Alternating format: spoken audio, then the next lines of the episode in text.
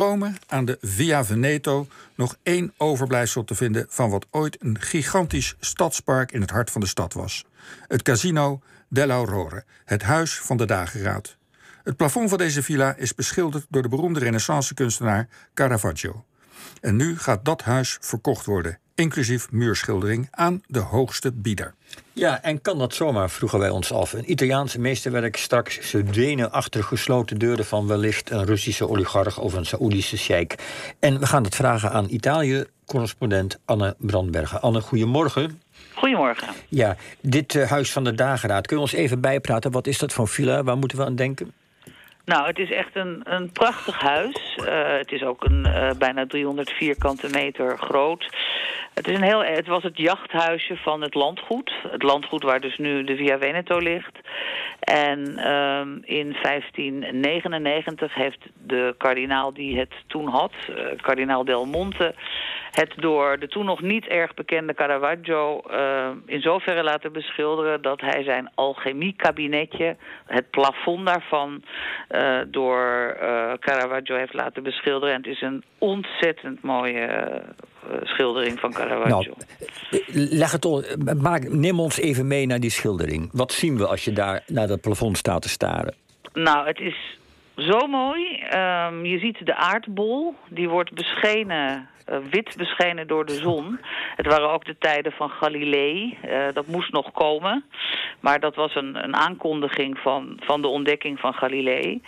En met uh, de sterrenbeelden staan op de aardbol en daaromheen. En dat maakt hem zo rock en roll. Zweven zeer woest drie naakte goden. Jupiter, Pluto en Neptunus. van Pluto zien we echt alles. Uh, je kijkt dus van onderaf. Oké, okay, stop en... maar. Nee, ga door.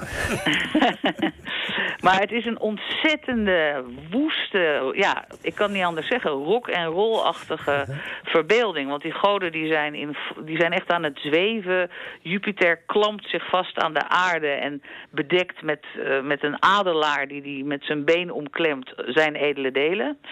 Uh, Neptunus die heeft een uh, woest stijgerend zeepaard omarmd. En Pluto, die dus helemaal naakt is, die heeft de Cerberushond aan zijn voeten. En dat zijn de, de drie symbolen van uh, de elementen waar dit goden van zijn. Dus uh, de lucht, het water en de aarde. Ja, en ik heb ook begrepen, het is niet een beetje vervaagde fresco... maar het is echt een olieverfschilderij wat nog uh, in goede staat is. Nou, het is heel erg bijzonder, want er bestaat maar één olieverf op muur ter wereld. En dat is deze. Dus het is niet alleen van Caravaggio. Maar het is ook in dat opzicht een volkomen unieke prestatie. Want Caravaggio was de fresco-kunst niet machtig. En die heeft dus gewoon alsof het een schilderij is... dit zo op de muur gemaakt. En dat maakt het, uh, behalve nogmaals dat het een Caravaggio is... tot een uniek wereldwijd stuk. Ja, wat nu nog te zien is voor het publiek. Nee, niet echt. Oh, niet echt. Uh, oh. Het is dus uh, in handen van um, een Amerikaanse dame die uh, prinses Rita heet. Een beetje, sorry, uh, golddigger-achtige type. Uh, die de laatste echtgenoot van de prins Ludovici is. De prins is overleden in 2018. En sindsdien um, beheert zij dit waanzinnige bezit. Maar het gaat haar natuurlijk ook om de erfenis. Dus uh, zij gaat dat uh, per opbod laten verkopen. Ze heeft natuurlijk ruzie met de kinderen van de prins uit het eerste huwelijk. Zij is het derde huwelijk. En iedereen wil dat vele geld hebben. En dat betekent dus dat je er nu al niet meer in kunt. Ik heb geprobeerd om dat aan te vragen, want er is wel een soort stichting voor. Ook van haar. Maar daar kreeg ik natuurlijk meteen te horen dat helaas tot, tot eind januari bezichtigingen niet meer mogelijk zijn. Ja, ja, maar en... tot voor kort kon dat nog wel. Moeilijk. Ja, moeilijk. Ja, ja. Maar over wat voor bedrag gaat het eigenlijk? Het gaat over bijna 500 miljoen uh, euro. En dat is uh, een bedrag dat volgens uh, de belangrijkste Italiaanse kunsthistoricus, professor Tommaso Montanari een belachelijk bedrag is, omdat het uh, wat in, deze, nou, in dit Huis van de Dageraad is, dat is dus de Caravaggio en een prachtige welfresco van Guercino, ook een barokkunstenaar. Uh, dat is al in 1987 door de Italiaanse ministerie van Culturele Zaken tot uh, beschermd historisch erfgoed be be bepaald. Dus je kunt er niets anders mee doen dan het in dat huis zo goed mogelijk beschermen en openstellen aan het publiek. En dan, dat zegt die professor, is dit dus een waanzinnig bedrag. Want het zijn niet doeken die los bij Christie's hangen of zo. Ja. Het is een veel te hoog bedrag. Maar nog los daarvan allemaal, wat betekent dit, wat heeft dit voor gevolgen? Want je zou zeggen, dit is beschermd erfgoed, je zegt het net zelf al. kan dat zomaar verkocht worden en kan dat ook bij wijze van spreken we altijd aan de ogen van het publiek ontrokken uh, raken daardoor. Wat, wat, wat gaat er gebeuren, denk je?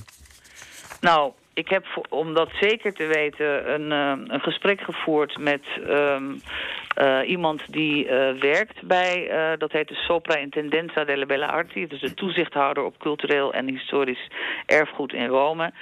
En deze man heeft mij uh, zuchtend gezegd... het gaat verkocht worden, want dat kan uh, in Italië. Je kan dus iets enerzijds tot historisch erfgoed verklaren... en anderzijds, omdat het zelfs nog in de handen is van de, van de prinsen van Ludovisi... die ook het ooit hebben laten aanleggen, uh, kan dat toch uh, verkocht worden. Er is uh, dus ruzie tussen de erfgenamen en men wil gewoon het geld.